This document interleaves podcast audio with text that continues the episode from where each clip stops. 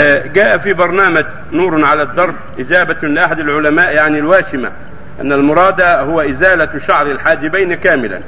أما إذا كان المراد أخذ بعض الشعر من الحاجبين أو تسويته فإن هذا جائز. فما رأي سماحتكم في هذا؟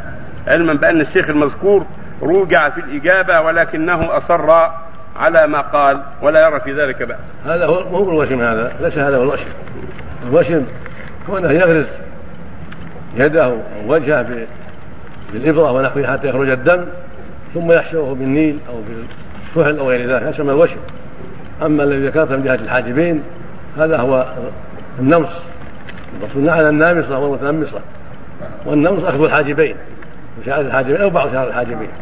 فالذي نعلم من السنة أن النمص يشمل أخذ الحاجب أو بعضه. كله ممنوع. سواء كله أو بعضه. هذا هو ظاهر الحديث. نعم.